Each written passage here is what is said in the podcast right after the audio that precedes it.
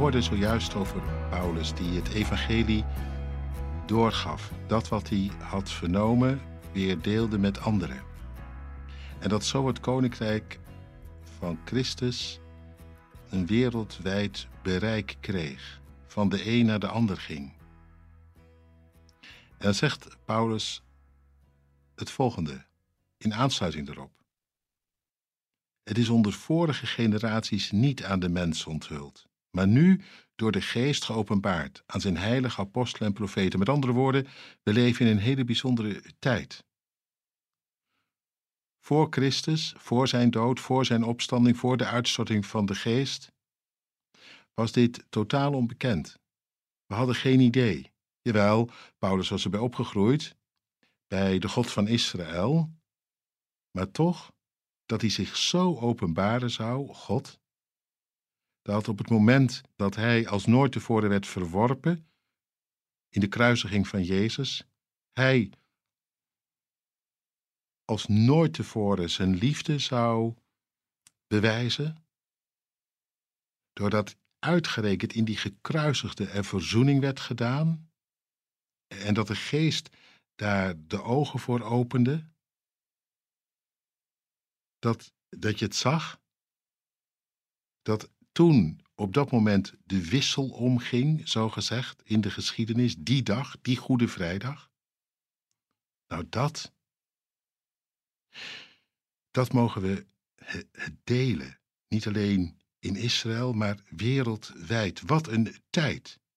Paulus die schrijft er eigenlijk vol verwondering over, over verder. Het is voor hem ook een hele nieuwe gewaarwording.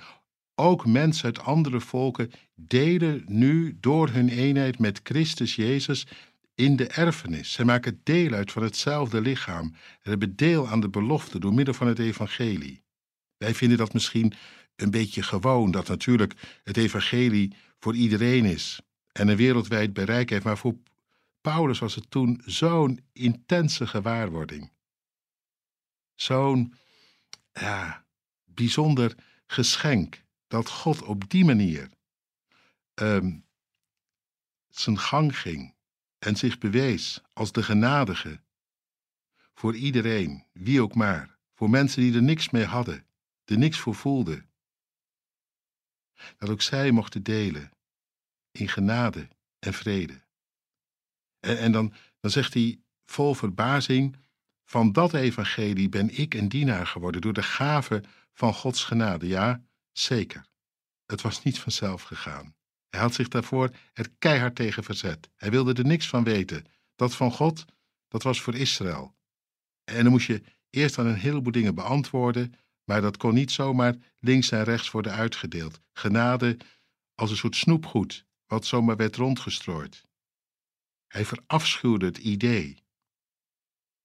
En hij had zich er fel tegen verzet en hij had mensen die daarin geloofden uh, gevangen gezet. Maar nu, door de genade van God, er zo voor ingeworden dat hij, dat hij zich er dan overgaf. Genade, zo schrijft hij, die ik ontvangen heb door zijn kracht die in mij werkt. Van nu af aan, zo dwars als ik was, ga ik ervoor om dit, dit goede, dit genadige uit te delen aan ieder die het maar horen wil. Nou ja, je bent geen Paulus. Ik ook niet. En toch, de hartstocht kan herkenbaar zijn.